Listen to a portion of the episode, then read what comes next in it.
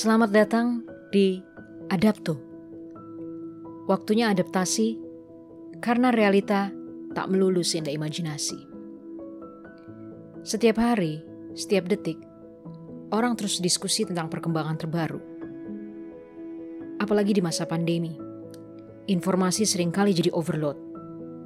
Nah, satu hal yang terkadang dilupakan, bahwa kita harus terus mengasah kemampuan untuk beradaptasi beradaptasi dengan situasi, orang-orang di sekeliling kita, perangkat yang kita pakai, ataupun beradaptasi dengan tatanan baru.